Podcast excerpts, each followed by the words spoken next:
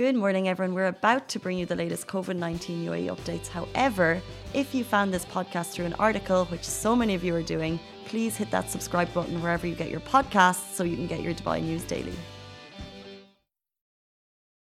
Good morning, Dubai. How are you doing? Welcome to the Lovin Dubai Daily, where we talk about the trending stories that Dubai is talking about, maybe that you've read, and we'll talk about them in a little bit more detail. Uh, one I think is interesting. Maybe you've seen photos. Uh, maybe you were driving for an essential reason yesterday and you noticed it. Uh, but there are police checkpoints set up across the city um, to make sure that you have the correct permission to be out of your home. So we'll talk about that. But also, the first story that we're going to go through is the fact that Dubai has set up a free uh, COVID 19 testing facility. Um, this was announced yesterday evening, and it comes less than a week after the first testing facility, drive through testing facility, was announced in Abu Dhabi.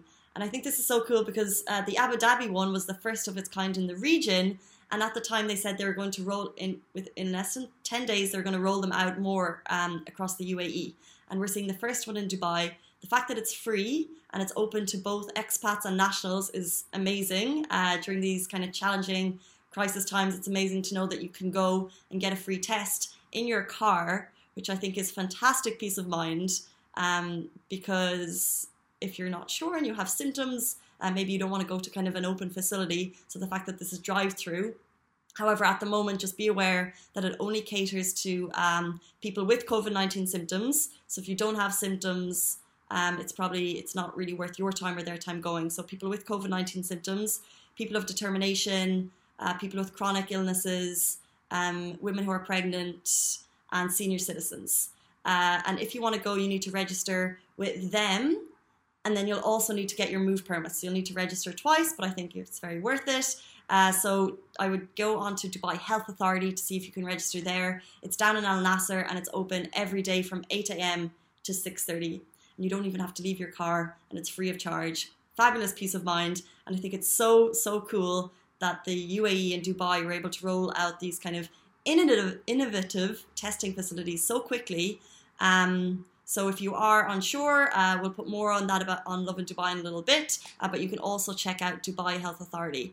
Um, I'll just run through the details one more time. So it's a free drive-through COVID-19 testing facility. It's in Al Nasser. Al Nasser. It's open daily, and they are catering to right now people of determination, uh, pregnant women, senior citizens, people with chronic illnesses, and people with COVID-19 symptoms. So that's kind of the bracket. And if you are fall with under those and you want to get a free test, you can if you are an expat or a national, which is very cool.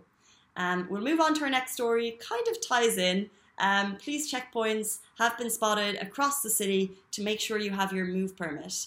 Uh, it, it's, it's far reach, but it ties in if you're going and you need to make sure you have your move permit. Um, we've definitely spoken about the move permit in the last two days. I'd love to get your thoughts. Have you requested one? Uh, has it been approved? What has been your kind of thoughts on the process? Um, because on it was initially it's a mandatory permit. If you do not work in the vital sectors, you needed to leave your home. And it was introduced on Saturday, and at the time there was a question mark because it was only open to car registration. But since then, uh, the website has been updated. Um, you have to tell them your means of transport, whether that's walking or taxi or bicycle or whatever it may be. Um, you'll tell them your destination, how long you'll go for, um, what you're doing. So, whether it's a supermarket or medical, pharmacy run, that type of thing. And then you should get a message to confirm, and then you'll also get an approved status. Um, so someone in our office has done it. They have had it. They got approval very, very quickly. Some friends of mine have done it. To be honest, I'm stuck on trying to put my time travel in. My time travel, the time of travel. I'm not. I don't know if I'm doing it wrong or if it's the website, but I've put in uh, a 12 hour clock. So let's say 10 until 12, and then there's still two lines. Um, is anyone else having that issue? But all of um, let's say the Lovin team who've tried it, they were successful. So I think this is just my technological problem, not the website. Um, but I'd love to know if you guys were successful. I've seen a lot of kind of status approved, and also if you do get status pending, do know that there's a lot of people um, on the system, and I would just wait it out. Uh, if it's emergency, maybe try and get in touch. But if it's not an emergency, if it's not an emergency, I would just wait it out for a little bit. Um, but we're talking about the checkpoints. So they've been seen in Jumeirah on the E11 and Al Safa.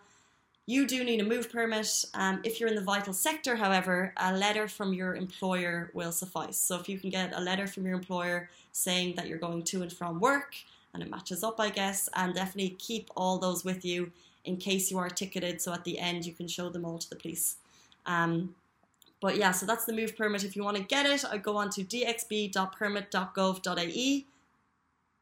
First dot dxbpermit.gov.ie um, and it's very simple. The website is set up just for this purpose, um, and it's really easy to use, apart from my own little uh, failing. But I'd love to know how you guys are getting on with it.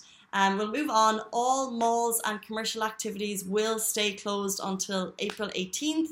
If there is a question mark over it in your head whether they would open again, um, they are not. This is all obviously um, as the city works in this massive effort to fight the spread of COVID 19. This is just one of the steps. So, kind of malls and gyms and entertainment facilities um, will remain closed until April 18th.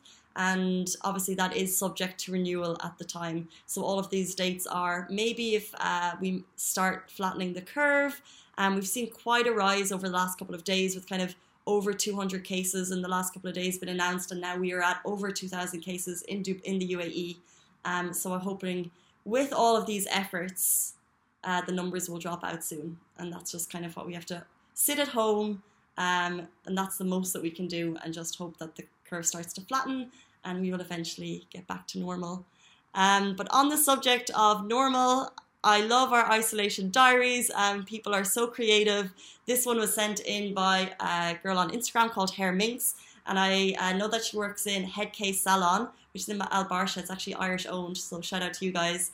Um, they do a great job in there. Is run by a lovely team, but this is by Hair Minx, and she called it her imaginary salon.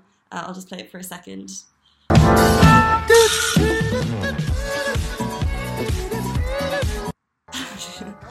I mean, if you're at home and you work in hair, is that not exactly what you would be doing? Um, no, but really, we are getting so many. Um, they're making the team uh, laugh so much. Love your videos. Please send them in. Our DMs are always open. Uh, whatever you're up to at home, whether it's having fun with the family or if you're solo like me and just trying to keep yourself entertained with a funny video, we love to see them and we love to share them. Uh, so thank you so much for sending them in. Those are top stories, guys. We'll be back tomorrow morning, same time, same place. Hope you have a great day. See you soon. Bye. That is a wrap for the Lovin Dubai Daily Live. Remember, we are back with you same time, same place every morning. Do not forget, we also have Dubai Works Business Podcast where Rich sits down with the business people of Dubai so you can get more information about that. And of course, the Lovin Weekly Show where Shireen and I chat to influencers and get to know a little bit more about them. Bye.